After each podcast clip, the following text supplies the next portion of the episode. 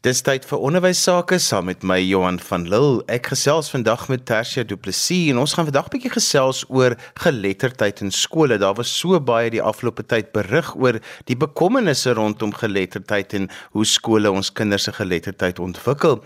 Tersia, jy's 'n onderwyskundige. Jy het sommer hier in lockdown het jy nog 'n groot klomp spronge gegee om jou eie kinders te leer. Vertel net gou ons jou agtergrond voor ons begin gesels oor geletterdheid. My jongste kind was in graad 8 en my middelseun was in graad 12 toe lockdown ons getref het. Ek het ook 'n dogter wat ehm um, die vorige jaar gematrikuleer het. My onderwys agtergrond is maar die intermediêre fase. So ek het in die ou dae gewone BA gedoen toe HOD en altyd graad 6 en 7 uh skool gegee.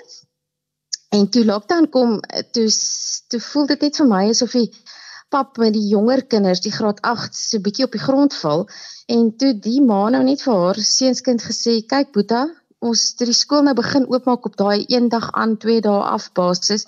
Toe die ma nou gesê, "So gaan dit nie werk nie. Jy gaan nou maar eerder by die huis bly en mamma gaan nou maar kyk dat jy kan lees en skryf en somme doen." En toe ek binnekort toe ek weer sien dit van die maats se ouers gesê jy's maar ons wil ons kinders opbring en op 'n stadium het ek 9 kinders gehad wat hier om 'n tafel gesit het in my huis. En toe hulle weet van hulle is weer terug skool toe en toe ek en my vernoot um Marlene voormalige koerantredakteur het besluit maar ons dink daar's 'n behoefte vir ouers wat uh tuisonderrig wil doen weens al die voordele wat dit het maar die ouers self het nie die kapasiteit om die aandag te gee soos wat dit gegee moet word nie. En toe ons Edu Studio begin aan einde verlede jaar en ons het nou 14 kinders wat hier by ons tuisonderrig kry deur 'n platform maar ons doen die onderrig en ons help hulle om hulle dag te struktureer en ons doen 'n hele klompie aanvullende aktiwiteite wat mens normaalweg eintlik nêrens deesdae meer kry nie. So Tersia, kom ons gesels oor geletterdheid. Daar's nou so baie die afgelope tyd in die nuus berig oor die bekommernisse oor kinders se geletterdheidsontwikkeling en hulle leesvlakke. Kom ons gee net vir ons luisteraars net so 'n agtergrond van waaroor dit gaan. Ja, die groot ding is wat nou eintlik maar gekom het is die Pearls studie. Dit is P U R L S. Dis 'n leesstudie wat elke 5 jaar gedoen word. Dit is die Universiteit van Boston wat dit saam met 'n sentrum van die uh, van die FSA hierdie toetse doen. Soos ek sê, dit word al van 2001 af gedoen en uh, ek dink 3 ek dit was 53 lande. Ek sit nou ek het nou gisterand nog al weer deur die verslag gelees. Dis 'n lywige verslag en die die slotsom is maar dat in Suid-Afrika is dit ongeveer 80% van kinders in graad 4 kan nie lees met begrip nie. En dan wil ek net vir vir ons luisteraars sê Miskien is dit goeie nuus, ek is nie seker nie. In die FSA is die probleem baie dieselfde. Ek het gisteraand na 'n praatjie geluister van 'n uh, dokter Hasbrook, Jan Hasbrook en sy sê uh, net 4 uit 5 van 10-jariges in die FSA kan ook nie lees volgens die standaard wat hulle moet lees nie. So uh, ons is nie alleen wat dit aanbetref nie. Ehm um, wat aan die een kant vir mense sê dit is miskien uh nie nie net die stelsel nie, daar's dalk 'n groter onderliggende probleem wat universeel, jy weet, internasionaal van toepassing is.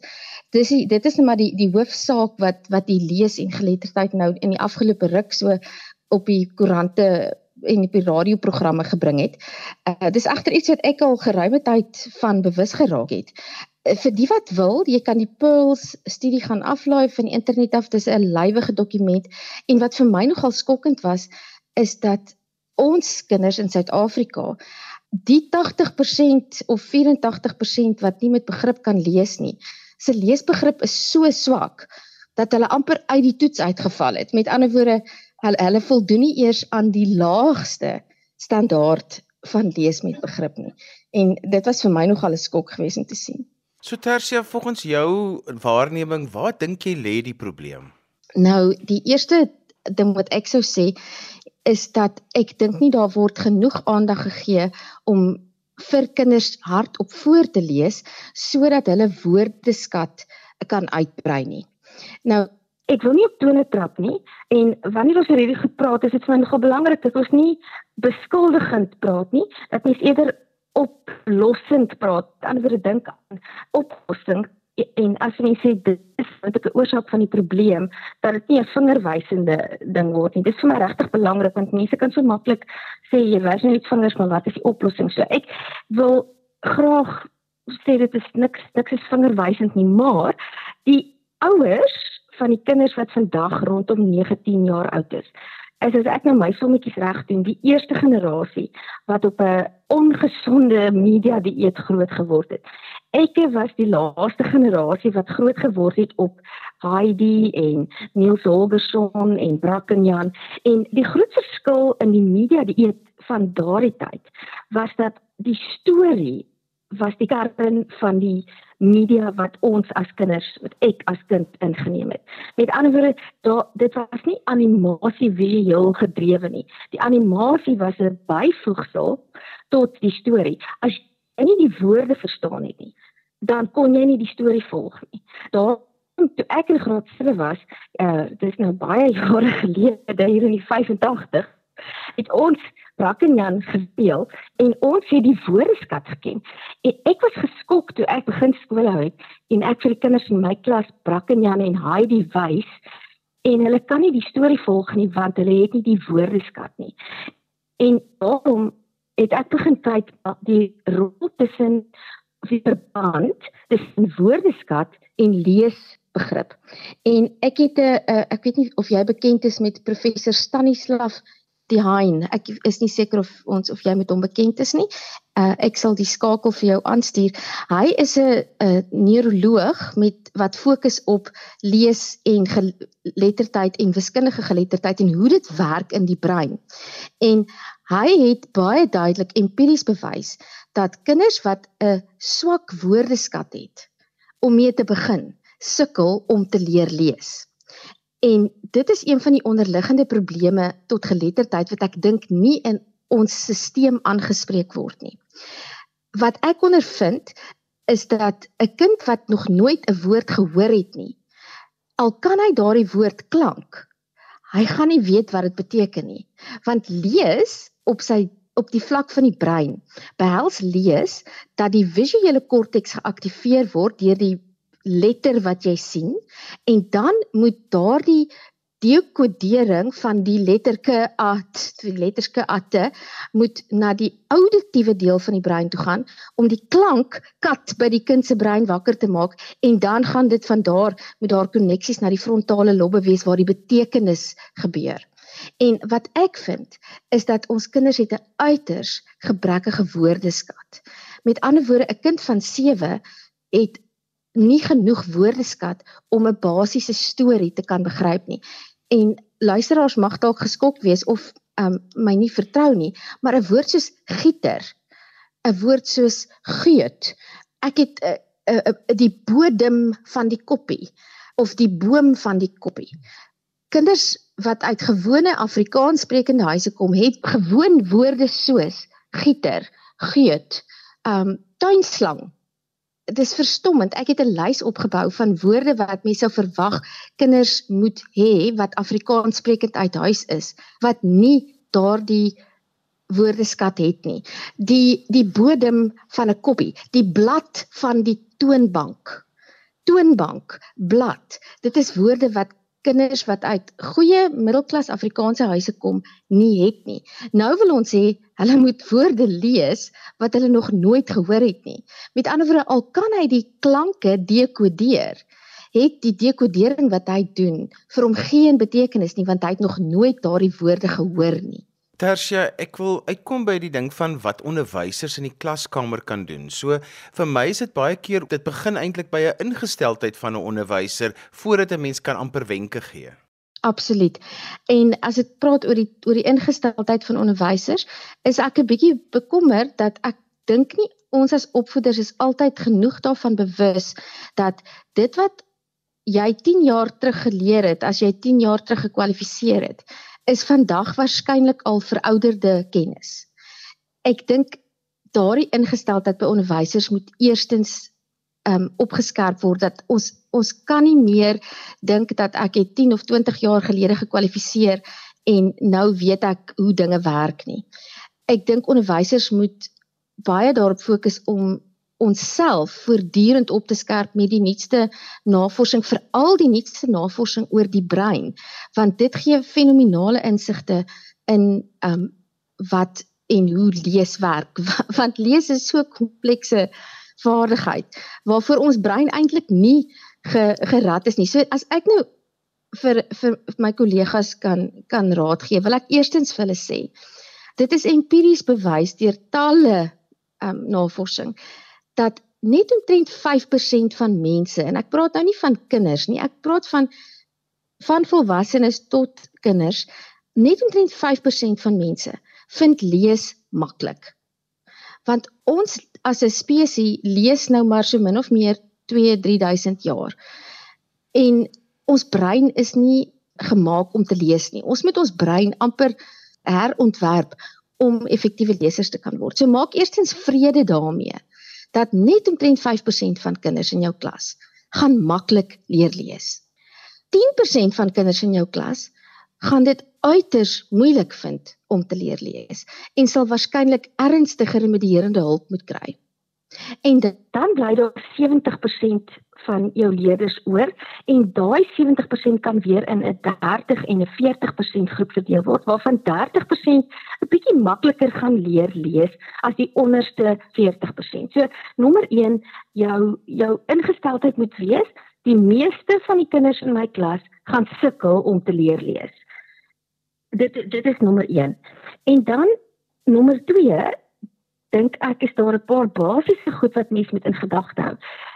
As dit enigstens moontlik is, sou ek ten sterkste aanbeveel dat elke liewe kind wat in graad 1 inkom en weer in graad 4 'n basiese gehoortoets onderneem. As jy nie 'n ge goeie gehoor het nie, kan jy nie die foneme van mekaar onderskei nie. Dan kan jy nie leer lees sonder geweldig baie moeite nie.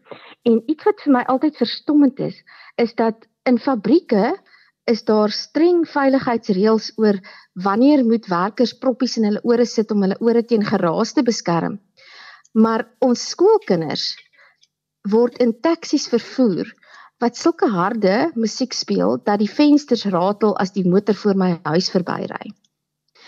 So ek is baie bekommerd dat baie kinders teen die tyd wat hulle begin skool gaan alreeds 'n mate van gehoorverlies het. As ek nou baie geld gehad het, het ek nou 'n studie daaroor gedoen. So iemand wat vir my wil geld gee, ek sal baie graag 'n studie oor gehoorverlies onder 7-jariges, 7 tot 10 jariges wou doen. As jy sopas ingeskakel het, jy luister na ons in die onderwys saam met my Johan van Lille. My gas vandag is onderwyskundige Tersia Du Plessis en ons gesels 'n bietjie oor geletterdheid en wat skole kan doen om kinders se geletterdheidsvlakke te verbeter. Kom ons begin en ons gee vir ons skole 'n bietjie wenke oor wat kan hulle doen om geletterdheid in die skole te verbeter. Die die goeie nuus is ehm um, Johan, dit is nie dit hoef nie 'n fortuin te kos nie. Dis die eerste ding.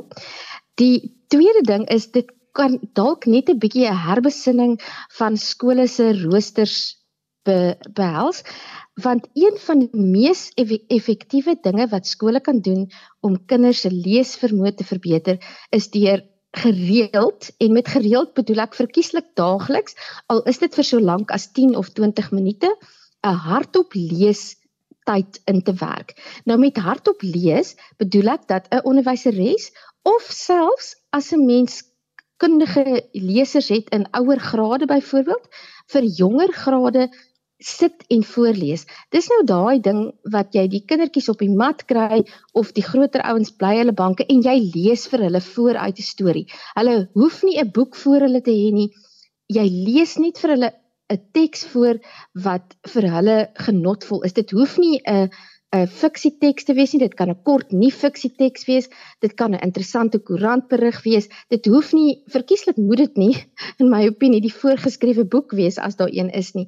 Dit moet suiwer daaroor gaan dat die kinders 'n uitgebreide woordeskat hoor deur iemand wat dit goed vir hulle voorlees. En iets wat ek weet nie gebeur nie is sodra kinders self kan lees, dan neem ouers en onderwysers aan hart voorlees het mos nou nie meer 'n plek nie. Die hart hardop voorlees vir die kinders brei die woordeskat uit. Dit laat die kind hoor hoe die woord klink wat hy self later moet gaan dekodeer. So dis een van die eerste dinge wat wat ek sou sê as dit 'n daaglikse ritueel amper is om vir 10, 15 minute vir kinders voor te lees. Daar's verskillende maniere om dit te doen. Skole kan my gerus kontak. Ek het 'n paar modelle wat ek al uitgewerk het wat mense kan in plek stel afhanklik uh, afhangende van hoe jou skool se se opset werk. Ek het 'n hele paar idees daar rondom.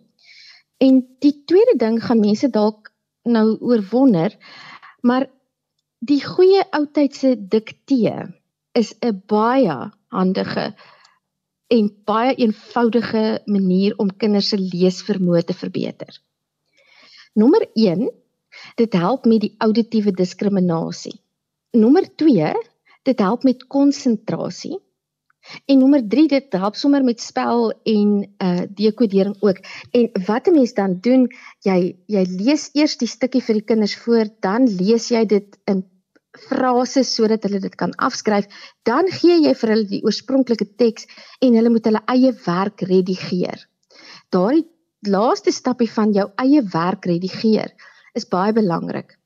So dit is die tweede ding wat wat ek sou sê moet gebeur. En dan die derde ding vir jonger kinders, hulle moet speel en op ritme met woorde en lees werk. Hulle moet liedjies sing, liedjies leer want daardie auditiewe diskriminasie gebeur wanneer jy daardie liedjies leer.